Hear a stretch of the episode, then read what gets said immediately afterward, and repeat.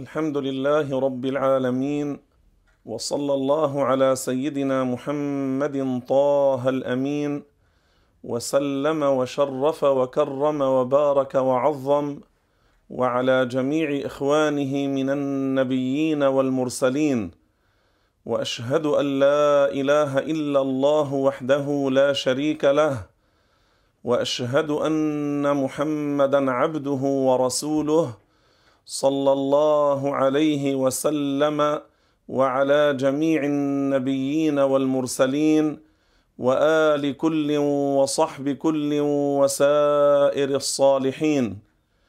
أما بعد السلام عليكم ورحمة الله وبركاته. إخواني وأخواتي في الله يقول الله سبحانه وتعالى في القرآن الكريم قل هل يستوي الذين يعلمون والذين لا يعلمون؟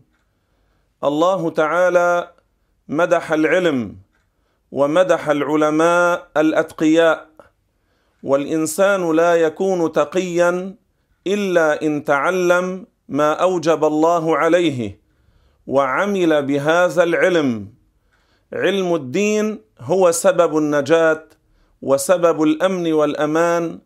والفلاح والسعادة الأخروية لمن عمل به. علم الدين هو الطريق إلى الجنة كما ورد في الحديث الذي أخرجه الترمذي ومن سلك طريقا يلتمس فيه علما سهل الله له به طريقا إلى الجنة. لذلك يا إخواني ويا أخواتي ينبغي أن نتعاون جميعا على نشر الخير وعلى نشر العلم وعلى نشر الفضيلة بين الكبار والصغار بين الرجال والنساء. وعلم الدين حياة الإسلام.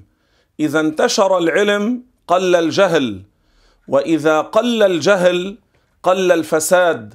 وخف الضرر وعم النور والضياء والرحمة والالتزام بالتعاليم النبوية والأخلاق المحمدية فينتفع المجتمع بذلك وينتشر بين الناس ما هو نفع لهم وخير لمصلحتهم ولمصلحة البلاد والعباد. وعملا بهذه القواعد الشريفة بالآية وبالحديث نبدأ معكم إن شاء الله تعالى في هذا اللقاء الطيب المبارك بكتاب بهجة النظر. هذا الكتاب العظيم الفوائد والكثير المنافع وأسلوبه سهل وفوائده كثيرة وهو على طريقة سؤال وجواب ومن أخذه وحصله من فهمه على المعنى الصحيح يغنيه عن مجلدات ويغنيه عن مكتبات. نعم هو مختصر وأسلوبه شيق لكن من فهمه فهم الأصل. وسنبدأ إن شاء الله تعالى معكم الشيخ أحمد يقرأ السؤال والجواب وأنا أعلق على بعض المواضع لأجل زيادة الفائدة. فأخلص النية لله تعالى. وفقنا الله وإياكم. سدد خطاكم. شرح صدوركم للخير. وجعلنا وإياكم مفاتيح للخير مغاليق للشر. بسم الله توكلنا على الله. تفضل شيخ أحمد. بسم الله الرحمن الرحيم. الحمد لله والصلاة والسلام على رسول الله. السؤال الأول ما هو الفرض العيني من علم الدين؟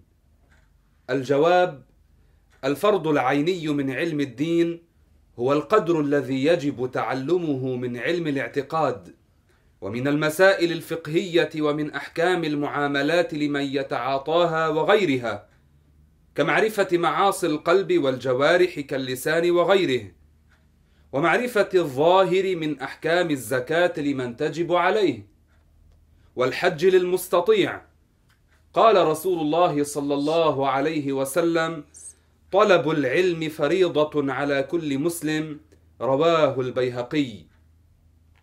هنا فائدة مهمة وهي أن الفرض العيني ما لا يستغني عنه أحد يعني يحتاج إليه كل مكلف بعينه هو مطلوب منه.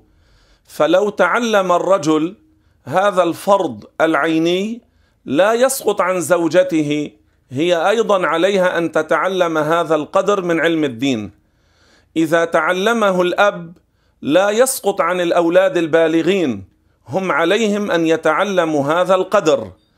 وهذا القدر من علم الدين يقال له الفرض العيني ويقال له علم الدين الضروري.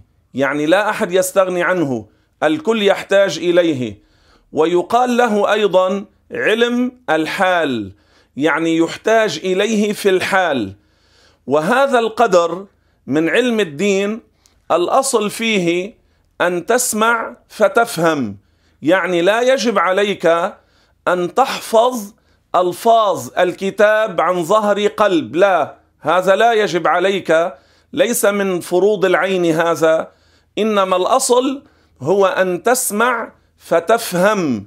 وهذا القدر من علم الدين من سمعه وفهمه من سمعه وفهمه اعتقد الصواب فقد أدى الفرض الذي عليه. ويبقى فرض آخر وهو العمل بهذا العلم. أما من لم يتعلم ولم يعمل فهذا ذنبه أشد. لماذا؟ لأنه ترك فرضية التعلم وفرضية العمل بالفرائض. أما إن تعلم ولم يعمل أدى واجبا وترك آخر فأمره أخف ممن ترك التعلم والتعليم. وشيء آخر هذا القدر من علم الدين من لم يحصله لا يصل إلى التقوى مهما أتعب نفسه بصور العبادات مهما أتعب نفسه بالسنن بالنوافل بالأذكار بقيام الليل بزيارة المقامات بالحج النفل بالعمرة النفل لا يصل إلى التقوى لا يصير تقيا. اذا الأصل هو أن يفهم هذا القدر من العلم ويعمل به وإن عمل به صار تقيا. ومعنى صار تقيا يعني إن مات على ذلك يكون قد أدى الواجبات واجتنب المحرمات فلا يعذب في قبره ولا في آخرته. وهذا الحديث الذي ذكر هنا طلب العلم فريضة على كل مسلم هذا المراد به يعني هذا القدر من علم الدين هو الذي يجب على كل مكلف بعينه لا ما كان من فروض الكفاية ولا ما كان من علوم أخرى إنما المقصود به هذا القدر من علم الدين. السؤال الثاني من هو المكلف الملزم بالدخول في دين الإسلام والعمل بشريعته؟ الجواب المكلف هو البالغ العاقل الذي بلغته دعوة الإسلام. ويكون البلوغ بالنسبة للذكر بحصول أمر من اثنين رؤية المني أو بلوغ خمس عشرة سنة قمرية وللأنثى بحصول أمر من ثلاثة رؤية المني أو دم الحيض أو بلوغ خمس عشرة سنة قمرية. فمن مات دون البلوغ فليس مكلفا ومن اتصل جنونه من قبل البلوغ إلى ما بعده ومات وهو مجنون فليس مكلفا. ومن عاش بالغا ولم يبلغه أصل الدعوة أي شهادة أن لا إله إلا الله وأن محمدا رسول الله فليس مكلفا. قال تعالى وما كنا معذبين حتى نبعث رسولا وقال رسول الله صلى الله عليه وسلم رفع القلم عن ثلاث عن النائم حتى يستيقظ وعن الصبي حتى يحتلم وعن المجنون حتى يعقل رواه الإمام أحمد.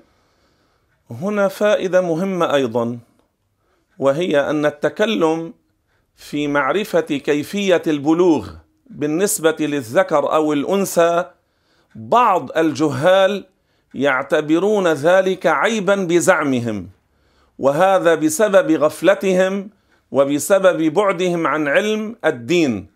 فقد ثبت في الأحاديث الصحيحة في البخاري وفي مسلم وعند أبي داود وفي الترمذي والنسائي وفي ابن ماجه وموطأ مالك وفي كثير من كتب الحديث أنه صلى الله عليه وسلم تكلم في مسائل الحيض والنفاس والغسل الواجب وفي هذه القضايا. بل العلماء من المذاهب الأربعة في كتبهم في كتب الفقه تكلموا في هذه القضية بتوسع وبتفصيل أكثر مما ذكر الآن بكثير. فذكر هذه المسألة ليس شيئا قادحا ليس شيئا يخدش كما يظن بعض الجهال الشعور لا بل هذا مما ينبغي على الآباء والأمهات والمدرسين والمشايخ أن يعلموه للناس ليعرف الصبي متى يبلغ لتعرف الصبيه كيف تصير بالغة لأجل أن لا يضيع الغسل الواجب لأجل أن لا يضيع الصلاة لأجل أن لا يضيع الفرائض.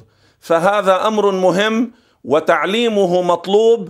والله قال في القرآن الكريم فإذا تطهرن فأتوهن من حيث أمركم الله إن الله يحب التوابين ويحب المتطهرين.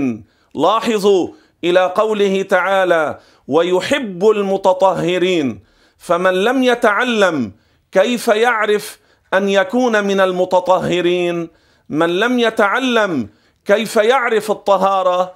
وقد قال عليه الصلاة والسلام الطهور شطر الإيمان. وفائدة ثانية تتعلق بهذه المسألة هي أن من بلغ وكان مجنونا ومات على الجنون فهذا ليس مكلفا.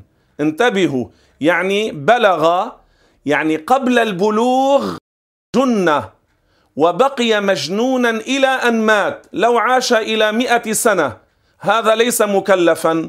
لأن القلم رفع عنه بالجنون.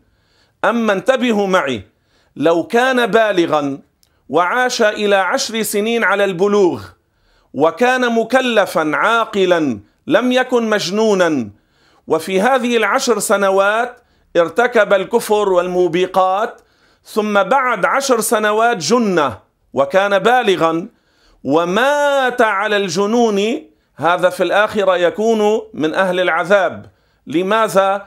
لأنه عندما جن كان بالغا عاقلا مكلفا ومع ذلك كفر ثم جن بعد البلوغ وهو على الكفر فهذا يكون من أهل النار أما لو مات صبيا دون البلوغ فليس مكلفا أو وهو دون البلوغ جن واتصل جنونه إلى ما بعد البلوغ فمات ليس مكلفا أو لم تبلغه الدعوة بالمرة.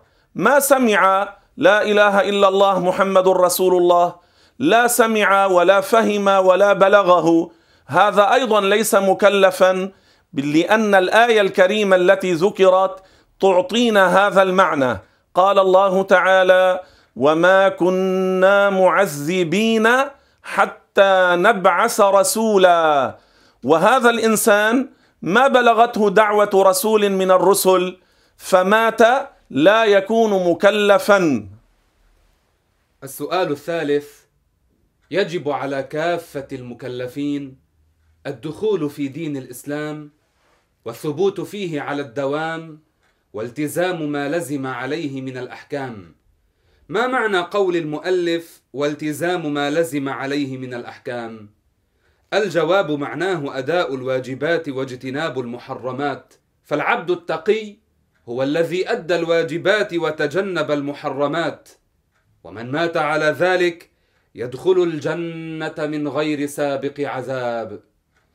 هنا قضية لا بد من معرفتها وهي أن الإنسان المكلف الذي بلغته دعوة الإسلام إن لم يسلم إن لم يدخل في الإسلام ومات على ذلك يكون مخلدا في النار إلى غير نهاية. لماذا؟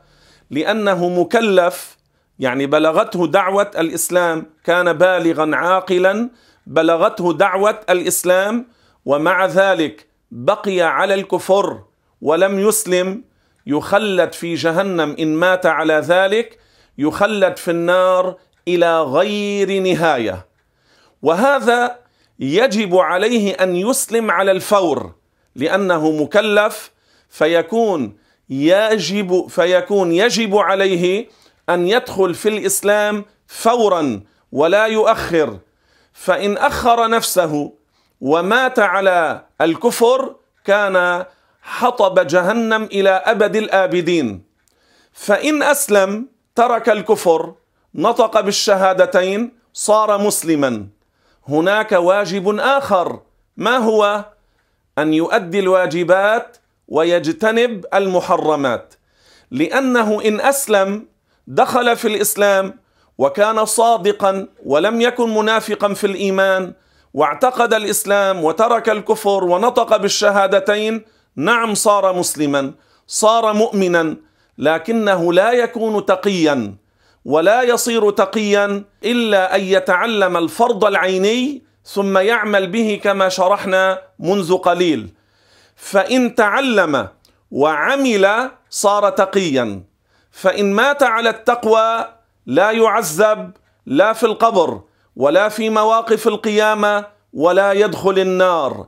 بل له بشرى عظيمة وكبيرة لأن الأتقياء لهم نعيم عظيم وليسوا كعامة الناس لأن المسلم الذي لا يؤدي الواجبات ولا يجتنب المحرمات هذا من عوام المسلمين. يعني في نهاية أمره يدخل الجنة ولا يخلد في جهنم لأنه مات على الإسلام. لكن هل يكون تقيا؟ لا لأنه لم يتعلم ما فرض الله عليه ولا أدى الواجبات ولا اجتنب المحرمات فهو تحت مشيئة الله. إن شاء عذبه ثم أدخله الجنة وإن شاء عفى عنه وأدخله الجنة. هذا الذي هو من العوام.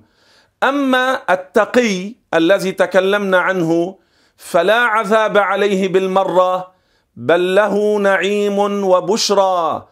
قال ربنا في القرآن الكريم إن الذين قالوا ربنا الله ثم استقاموا تتنزل عليهم الملائكة الا تخافوا ولا تحزنوا وأبشروا بالجنة التي كنتم توعدون.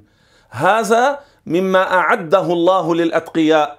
عند الموت يرى الملك يبشره برحمة الله وبرضوان الله يضحك إليه الملك ويرى حوله من ملائكة الرحمة يتبسمون ويضحكون له فيمتلئ فرحا وسرورا.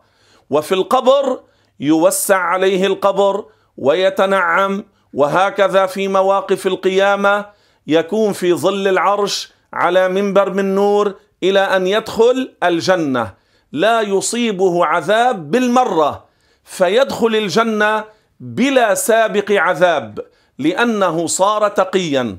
هذا يجب على كل مكلف أن يدخل في الإسلام إن كان من غير المسلمين ويجب عليه أن يتعلم الفرض العيني ويؤدي الواجبات ويجتنب المحرمات وبذلك يصير تقيا. أما من كان مسلما في الأصل هو مسلم هذا يبقى عليه واجب التعلم والعمل بالفرض العيني. السؤال الرابع بين أعلى الواجبات وأفضلها عند الله تعالى. الجواب أعلى الواجبات وأفضلها عند الله تعالى الإيمان بالله ورسوله. قال رسول الله صلى الله عليه وسلم أفضل الأعمال إيمان بالله ورسوله. رواه البخاري. والإيمان شرط لقبول الأعمال الصالحة. فمن لم يؤمن بالله ورسوله فلا ثواب له ابدا في الآخرة. قال الله تعالى مثل الذين كفروا بربهم أعمالهم كرماد اشتدت به الريح في يوم عاصف قال الله تعالى مثل الذين كفروا بربهم أعمالهم كرماد اشتدت به الريح في يوم عاصف. هنا قضية مهمة وهي أن الإيمان بالله ورسوله صلى الله عليه وسلم أصل أساس لا بد منه لقبول الأعمال الصالحة. والإيمان بالله ورسوله عليه الصلاة والسلام هو الأصل الأصيل والحصن الحصين والركن الركين الذي من ضيعه لا يكون عند الله مسلما ولا مؤمنا ولا تقيا ولا صالحا ولا يقبل ولا يصح منه العمل الصالح. فمهما عمل من صور العبادات لماذا نقول من صور العبادات؟ لأن الكافر لا تصح منه العبادات لأن الإيمان بالله ورسوله شرط لصحة وقبول الأعمال الصالحة وهذا لم يؤمن بالله ورسوله فمهما أتعب نفسه بصور العبادات من صلاة وصيام وزكاة وحج وقراءة للقرآن والأذكار وقيام الليل وصيام النهار والتصدق على الفقراء كل ذلك لا يقبله الله منه. والدليل على ذلك أن الله قال في القرآن الكريم ان الذين امنوا وعملوا الصالحات لاحظوا الإيمان هو الأصل. ان الذين امنوا هذا الأساس. بعد ذلك وعملوا الصالحات. يعني هناك أصل وهناك فرع. الإيمان هو الأصل والعمل الصالح فرع. فلا بد أن يكون هذا الفرع على أصل صحيح وهو الإيمان بالله والرسول. والله عز وجل ماذا قال في القرآن الكريم؟ ويبشر المؤمنين الذين يعملون الصالحات. لاحظوا هذه الآية الثانية. ويبشر المؤمنين الذين يعملون الصالحات. ما قال ويبشر الكافرين؟ ما قال ويبشر كل الناس كيفما كان؟ قال ويبشر المؤمنين الذين يعملون الصالحات. وفي آية ثالثة قال الله عز وجل في القرآن الكريم الذين يؤمنون بالغيب ويقيمون الصلاة وأدلة كثيرة.